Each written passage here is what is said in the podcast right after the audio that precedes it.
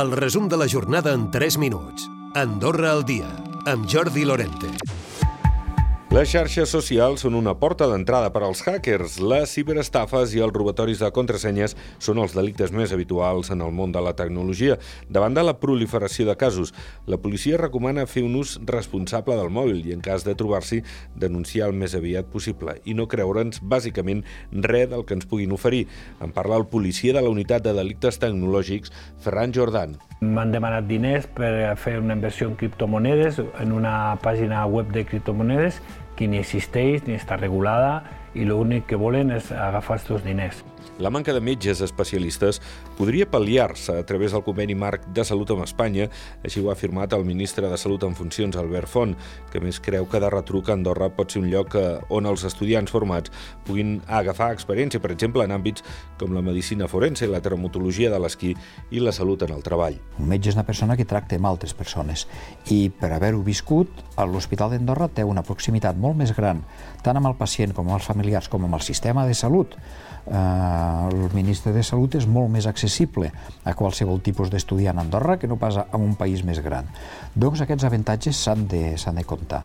Andorra Endavant ha denunciat que dos dels seus candidats per a les eleccions generals, les empreses on treballen, els han obligat a agafar una excedència fins que passin les eleccions.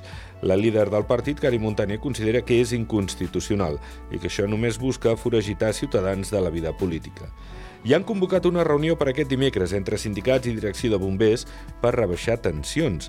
Els col·lectius de treballadors del cos amenacen amb una vaga si es tiren endavant els canvis en les jornades laborals.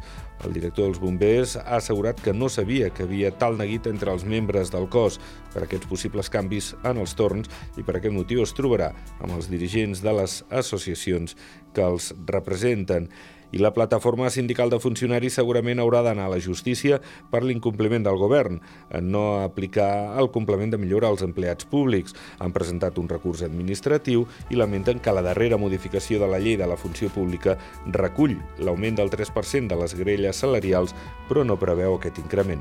Joan Torra és portaveu de la plataforma de sindicats. Segurament sí, segurament entenem que el govern, pues, com està acostumat, farà el silenci administratiu, la seva pròrroga, i això ho tindrem que discutir a la Bahia. I què fer en cas de llau? Un grup de petits alumnes del Col·legi Sant Hermengol han estat allisonats sobre com actuar i com preveure'ls. Que abans tens que mirar el temps i tens que anar a la pàgina a mirar a llaus.ad.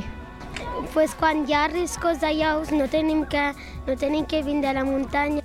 Avisar al 112 o al 118, als bombers i a l'ambulància. L'ambaixador d'Espanya, Àngel Ros, serà rellevat d'aquí a un mes i és que jubila. El substituirà un diplomàtic gironí, Carlos Pérez Desoll. Recupera el resum de la jornada cada dia a AndorraDifusió.d i a les plataformes de podcast.